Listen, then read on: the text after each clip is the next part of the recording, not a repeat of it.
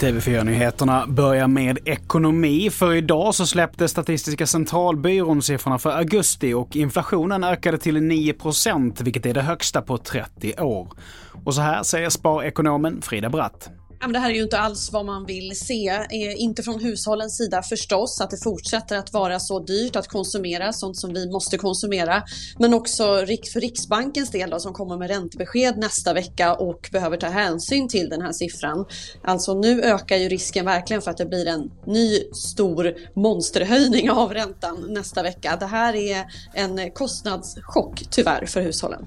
Och vi fortsätter med att Valmyndigheten räknar med att det preliminära resultatet för riksdagsvalet ska vara klart nu ikväll. Det slutgiltiga valresultatet kommer att fastställas om cirka två veckor då personrösterna kommer att redovisas.